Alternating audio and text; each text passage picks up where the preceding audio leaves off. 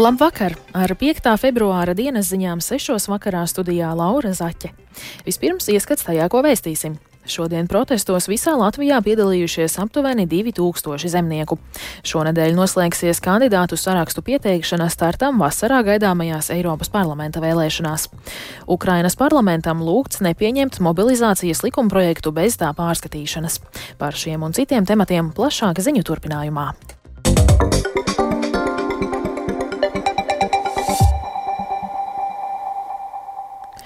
Aptuveni 2000 lauksaimnieku ar traktoriem, plakātiem un Latvijas karogiem šodien bija izbraukuši ielās kopumā 16 Latvijas pilsētās.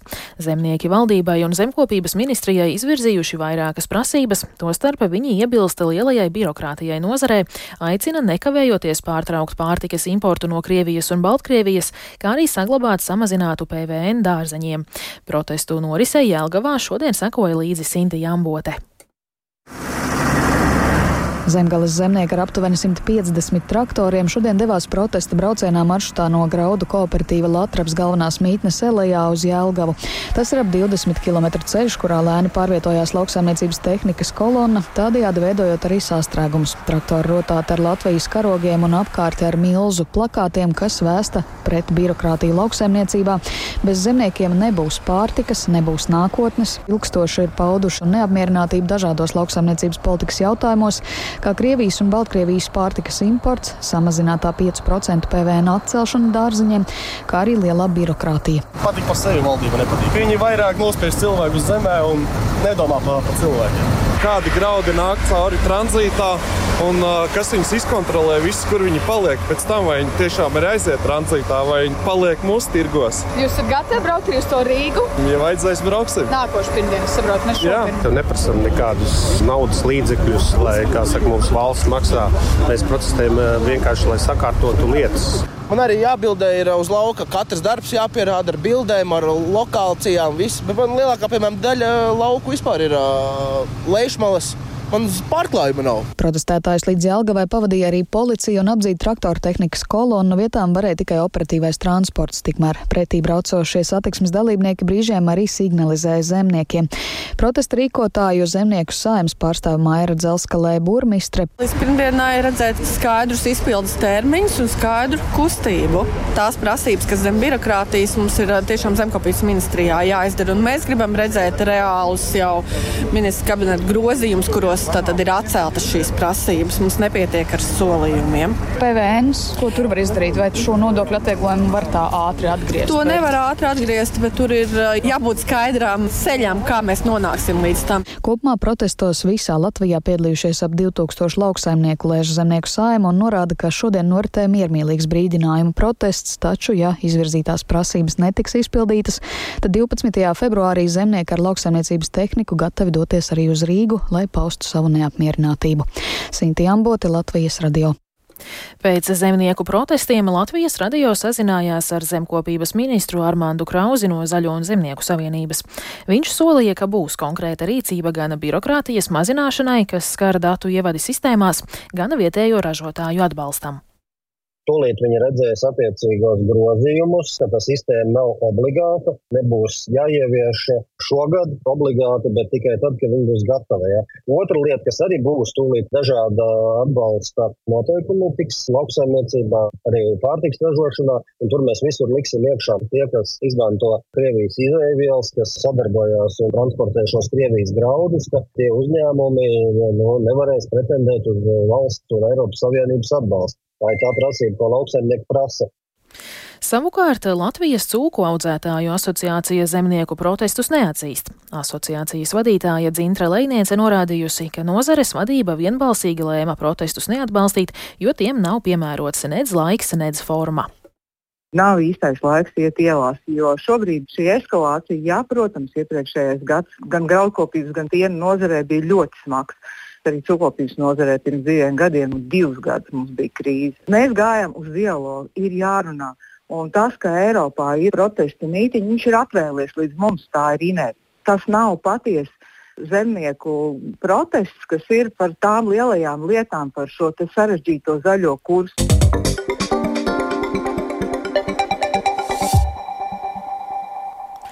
Eiropas biznesa asociācija lūgusi Ukrainas parlamentu augstāko radu nepieņemt valdības iesniegto likumprojektu par mobilizāciju bez vairāku tajā ietverto normu pārskatīšanas. Kā norādīts asociācijas paziņojumā, Ukrainas valdības iesniegtais dokuments ir pērnā gada decembrī iesniegtā un vēlāk pārskatīšanai nosūtītā likumprojekta kopija. Turpina Rustams Šukurovs.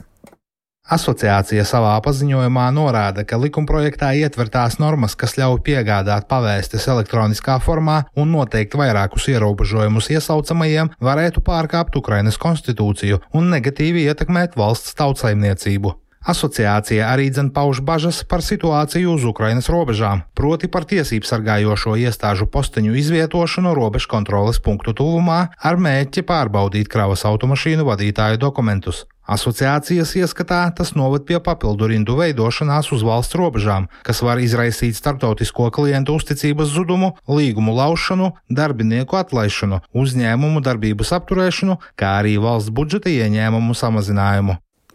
Apvienoto Nāciju organizācijas Bēgļu aģentūra un humanās palīdzības partneri šogad lūdz lielajiem ziedotājiem visā pasaulē, lai tie piešķir vairāk nekā 4 miljārdus ASV dolāru kara skartajām kopienām Ukrainā, Ukrainas bēgļiem, kā arī valstīm, kas bēgļus uzņēmušas.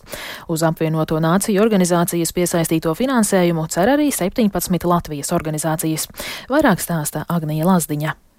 Latvijā starp 17 partneriem ir dažādas nevalstiskās organizācijas, kas jau līdz šim palīdzējušas Ukraiņiem. Arī aktivitātes, kam šo finansējumu organizācijas tērētu, ir ļoti dažādas - psiholoģiskais atbalsts, valodu kursi, stipendiju fondu jauniešiem, palīdzības stendi un daudz kas cits. Viena no finansējuma pieprasītājām ir biedrība Tavi draugi, turpina biedrības vadītājs Uldis Noviks. Nodrošina humanitāro palīdzību Ukraiņiem uz vietas Latvijā, kā arī koordinējam to viņu atrašanos šeit, mēģinam izprast viņu viņu vajadzības. Šobrīd cenšamies profilēt uh, Ukrāņu nepieciešamības, to, ko viņi dara, kāda ir viņu situācija, kur viņi dzīvo. Gribam saprast reģionālo situāciju. Kā skaidro centra Marta politikas koordinātore Beata Jonīte, saņemot finansējumu, centrs plāno realizēt projektu, kas saistīts ar seksuālās eksploatācijas un aizskaršanas novēršanu nevalstiskajā sektorā. Savukārt biedrības gribu palīdzēt bēgļiem valdes locekle Linda Jākapsona Gavala norāda, ka saņemot finansējumu organizācijas palīdzība būtu saistīta ar mājokļu nodrošināšanu samazināšanu, proti iespēju saņemt naudu pirmajam depozītam. Joprojām vairāk nekā 3000 Ukrainas bēgļu dzīvo dažādās izmitināšanas vietās visā Latvijā, kas sākotnēji, protams, bija ļoti svarīgi, lai visiem cilvēkiem, ja tā var teikt, virs galvas būtu jumts, taču mēs redzam, ka ir daudz cilvēki,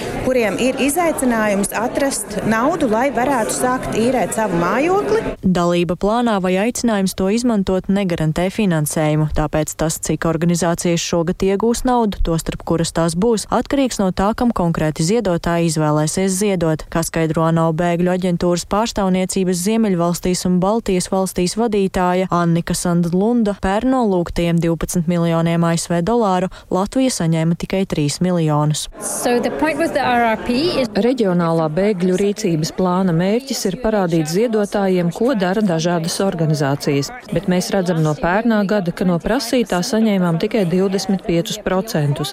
Līdz ar to arī organizācijām pašām būs jāvāc nauda. Pērna reģionālā bēgļu rīcības plāna partneri Latvijā atbalstīja un sniedza palīdzību aptuveni 23 tūkstošu ukraiņu bēgļiem. Agnija Lazdiņa, Latvijas radio.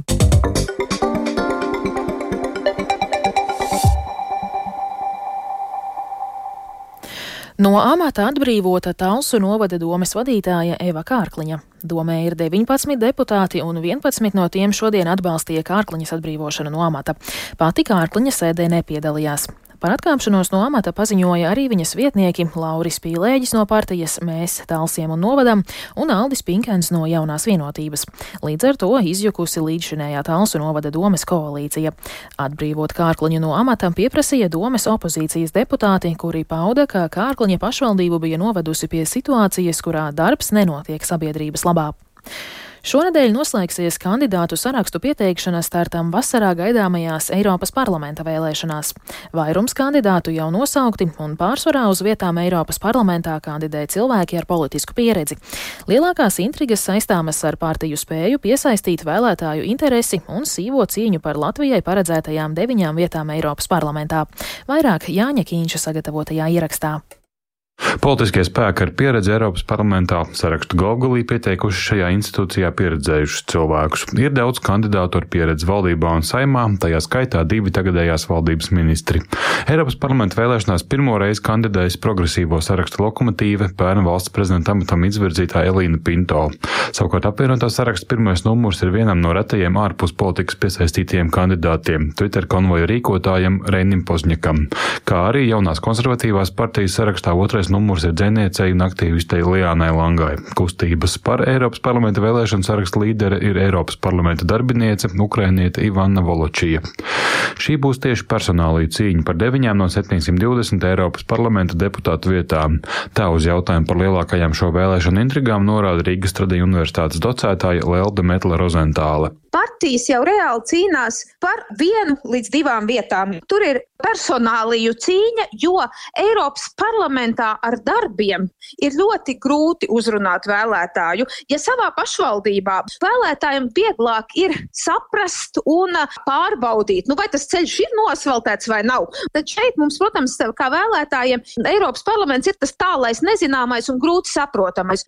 Politoloģijas vērtējumā vēlētāju aktivitāte šajās Eiropas parlamenta vēlēšanās vēlēšanās būs atkarīgi no politisko spēku piedāvātajām vēl sekojošajām kampaņām, un arī šogad ļoti būtisku aktivitātes pieaugumu nevarētu sagaidīt. Tā vērtē socioloģija, tirgus un sabiedriskās domas pētījuma centra SKDS pētniece Ieva Straude.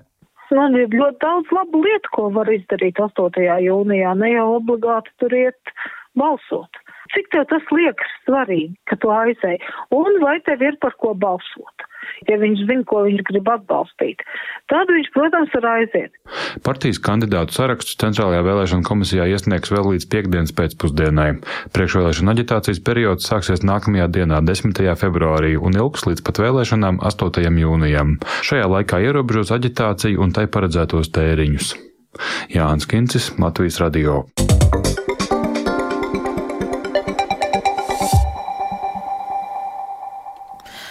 Ziņu noslēgumā par sportu. Latvijas futbola izlases galvenā trenera amatā stāsies Itālis Paulo Nikolato. Tā šodien lemts Futbola federācijas valdes sēdē. Šīs itāļu speciālists iepriekš sekmīgi strādājis ar Itālijas junioru izlasēm. Plašāk stāsta Māris Bergs.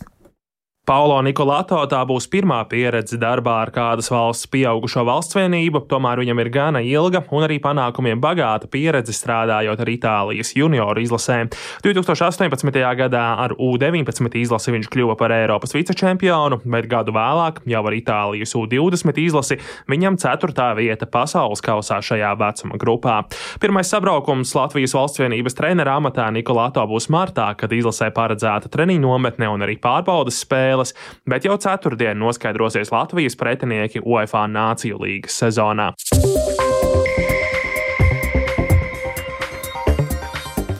Ar to izskan 5. februāra dienas ziņas. Producents Viktors Pupiks ierakstus montēja Uldis Grīnbergs, pieskaņu pults Ernests Valds Fjodorovs, bet studijā Laura Zaķe. Īsumā par svarīgāko. Šodien protestos visā Latvijā piedalījušies aptuveni 2000 zemnieku. Šonadēļ noslēgsies kandidātu sarakstu pieteikšana startam vasarā gaidāmajās Eiropas parlamenta vēlēšanās. Bet Ukrainas parlamentam lūgts nepieņems mobilizācijas likumprojektu bez tā pārskatīšanas. Vēl tikai par laikapstākļiem.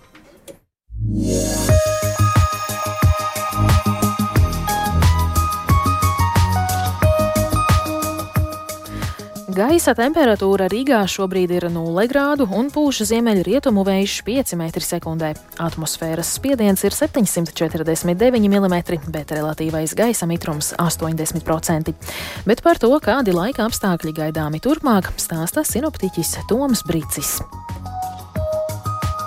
Šonadēļ laiks Latvijā kļūs augstāks. Jau otrdien visā valstī, izņemot vietām, kur zemē valdīs neliels sals, bet naktī uz trešdienu visā Latvijā pamatīgi sniks. Vairāk valsts dienvidos, kur zemgalē, sēljā un latgalē var uzsnikt ap 10 cm svaiga sniega. Ceturtdien un piekdien kļūs saulaināks, sniks maz, taču pastiprināsies sals. No rītiem vietām vidzemē un latgalē ap mīnus 15 grādiem. Temperatūra zem nulles arī dienās, siltāks kļūs no svētdienas.